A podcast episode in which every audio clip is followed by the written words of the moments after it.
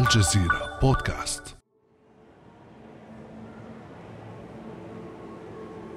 مرتديا بدلة رسمية وربطة عنق جلس مؤسس فيسبوك أمام أعضاء مجلس الشيوخ الأمريكي مستعدا لتلقي وابل من الأسئلة.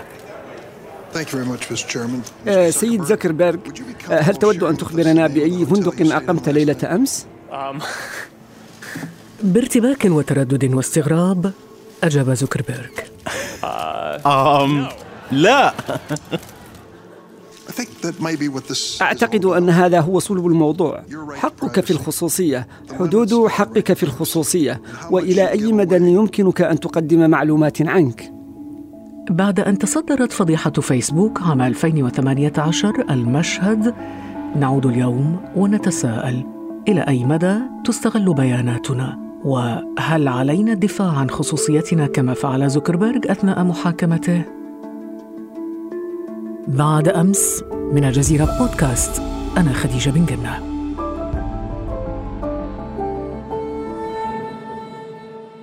ومعنا أحمد عاشور مسؤول المحتوى الرقمي في شبكة الجزيرة. أحمد أهلا بك. أهلا خديجة أهلا بك. أحمد أنت معنا اليوم لتحكي لنا خفايا هذه القصة. المقلقة فعلا المقلقة جدا بصراحة. كنت أحمد من أوائل من عملوا على تقارير عن اختراق الخصوصية. متى بدأ الحديث عن اختراق الخصوصية؟ الحديث حقيقة بدأ منذ تحول الإنترنت بالعموم من العصر الماضي عندما كنا نتحدث عن قبل الفيسبوك وما بعد الفيسبوك. أنا هكذا أصنفه يعني بشكل شخصي. قبل الفيسبوك كان الإنترنت أكثر أمانا برأيي وكان أكثر حرية وكان يحتوي على العديد من الباحثين عن الحرية حقيقة. هؤلاء الذين يبحثون عن الحرية كانوا يجدون في هذا المكان متنفس أو خلينا نسميها غرف خلفية أو حدائق خلفية لتبادل الأفكار وتبادل الآمال والطموحات لمستقبل أفضل ولمكان أفضل.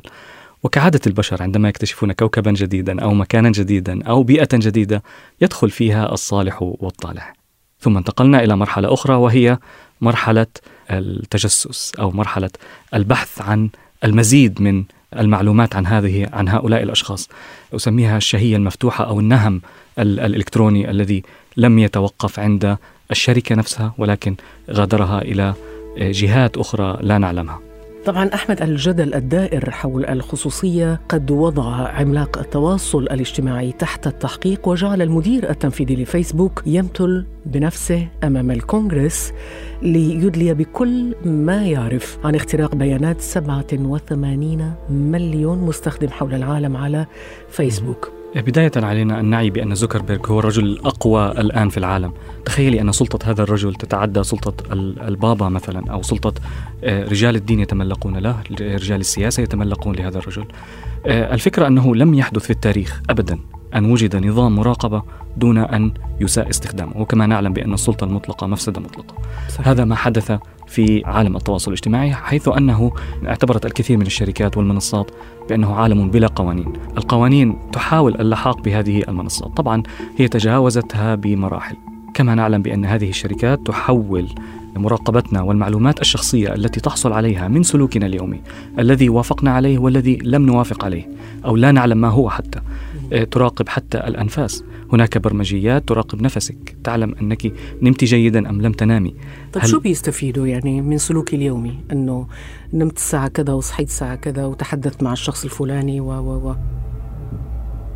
يعني مثلا إذا كان إنسان نائم ويشخر سيستيقظ صباحا ويجد إعلانات تتحدث عن علاج الشخير مثلا. فقدان السيطرة أين يحدث؟ عندما يتحدث الناس عن خطأ كبير حقيقة عندما يقولون أنه ليس عندي شيء أخفيه. هذه مصيبة حقيقة. هذا تعدي على خصوصية الإنسان. تخيلي مثلا مثلا أن ثلاجتك الذكية ستخبر مديرك في العمل أنك تأكلي أكثر من ثلاث مرات مثلا في اليوم.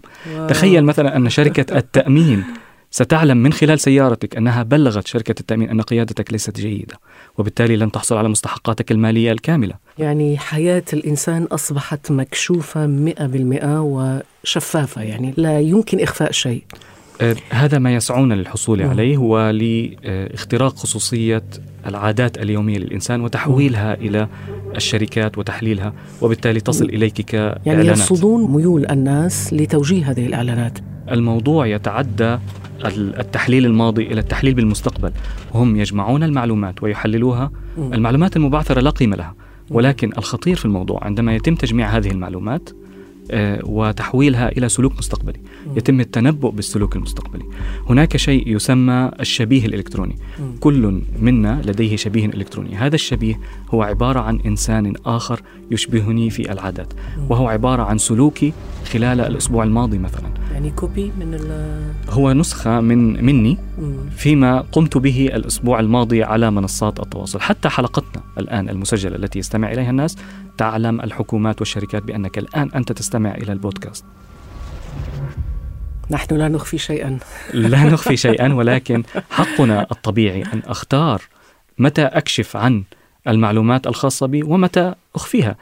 إذا أحمد تجمع الشركات التقنية العملاقة قدرا ضخما من المعلومات. هناك كثير من القصص حول هذا الموضوع. تخيلي أن مثلا زوج وزوجة كانت بينهم مشكلة في البيت وعندما اختلفوا ولم يستطع القاضي أن يحكم بينهم طلب بأن يحصل على تسجيل من ال Xbox اللي هو جهاز الألعاب في البيت. جهاز الألعاب في البيت تم الوصول إليه. وأخذ الصور بالكامل واكتشفوا بأن الزوج فعلا يضرب زوجته وتم معاقبته. تخيلي أن هذا الموضوع كيف اكتشفوا أحمد؟ من خلال الكاميرا، هناك بعض الألعاب أو بعض أجهزة الألعاب التي تسجل عندما تفتح اللعبة. تخيلي أن هذا الجهاز يسجل بدون إذنك. يا إلهي. فعلا. وفيسبوك قبل فترة اعتذرت للمتابعين بأنه قد تفتح الكاميرا في بعض الأحيان دون إذنك. وقامت يعني بتقديم فيسبوك اعتذار ممكن يفتح الكاميرا بدون ما نعرف إنه هم قاموا بالاعتذار وقالوا بأن هذا غير ممكن وغير يعني غير مسموح فما الذي يضمن لنا بأن الصوت والصورة غير منقولة وغير مخترقة وغير مفتوحة أمام هذه المنصات، كيف كيف أتأكد بأنها لا تستخدمها؟ حتى يعني حتى لو كنت لا تملك شيئا لتخفيه، هذه خصوصيتك، عندما تفقد خصوصيتك تفقد التحكم في حياتك تماما. أنت منتهك من الشركات وتقدم لك ما تريده وتسيرك وتؤثر على عقلك كلامك الباطن يخوف يا أحمد. هو مخيف إذا لم نتحرك إذا لم ننتبه كبشر. البشرية في خطر فعلا. أحمد عندما تقول البشرية في خطر نتحدث عن البشرية بشكل عام أن أنه في مناطق معرضة أكثر من مناطق أخرى. نتحدث عن السلوك البشري في المستقبل. السلوك البشري في المستقبل صار وكأنه في استوديو 24 ساعة. دائما متأهب لأي تصوير ممكن لأي اختراق ممكن. هذا السلوك هو سلوك غير إنساني. عندما نفقد خصوصيتنا أفقد تحكمي في حياتي. وهذا الموضوع آه، يختلف من دولة إلى دولة. عندما نتحدث في الدول الأوروبية وأمريكا وغيرها لديها قوانين لحماية الخصوصية. بإمكانك مقاضاة أحد مثلا استخدم صورتك في إنستغرام لإعلان. في دولنا العربية تتفاوت هذه المواضيع وهناك محاولة للحاق بالقوانين ولكن حقيقة لا يوجد قانون واضح قوي يحكم موضوع الخصوصية ويتحكم فيها بشكل واضح. يعني هذه الوحدات الصغيرة التي تزرع في المنزل بهدف مساعدتنا في معرفة الطقس أو ربما ضبط المنبه أو حتى التسلية والتحدث معها تستمع إلينا طوال الوقت. هذا وفقا لتقرير من نيويورك تايمز ووفقا لكلامك أحمد الآن. هنا نقطة مهمة خديجة إذا تسمحي لي. عندما نثير المخاوف لا نريد أن نعتزل الحياة الحديثة نريد أن نتشارك الحياة الحديثة نريد أن نستمتع بالتطور نريد لهذه البشرية أن تتطور ولكن في نفس الوقت من حقي أن أفرض خصوصية من نوع معين. من حقي أن أعرف ما الذي يؤخذ من معلومات عني. من حقي أن يكون الذي ينشر عني معلوم لدي. من حقي أن, أن أذهب إلى مكان ما دون أن يتتبعني أحد. هذه أبسط الحقوق البشرية يعني التي تنتهك ممكن يتتبعك؟ بالتأكيد أبسط البرمجيات الآن تعلم آه، جوالك إلى أين أين أنت موجودة؟ طالما هناك جوال جاسوس في جيبك ينبض ويقول بأنك الآن ذهبت إلى المكان الفلاني أو المكان العلاني. والغريب بأن هذه الميزات باتت مفتوحة مجانا للناس العاديين فالناس تراقب بعضها بعضا أيضا. لا نتحدث فقط عن الحكومات وعن الشركات. يعني زوج وزوجته مثلا ممكن تعرف زوجها وين. نعم إذا كانت ضليعة في وليس التقنية. موضوع السياسة فقط والحكومات والمعارضين. البيت أيضا حكومة يعتبر عند بعض الناس. فهناك أيضا آه، يعني اختراق لخصوصيتنا في في في المنزل حتى. يعني عندما نتحدث عن منزل واحد. يعني نريد لهذه التقنية أن تستمر بأمان وأن تستمر بخصوصية وأن يكون فيها الأمور تستمر واضحة. بأمان؟ هنا ندخل في موضوع الحماية. نحن في آه، وقت يشهد حاجة حقيقية إلى تشريعات حماية الخصوصية خاصة بعد فضيحة كامبريدج أناليتيكا وفيسبوك. الاتحاد الأوروبي اتخذ بهذا الخصوص خطوة حقيقية في عالم الخصوصية.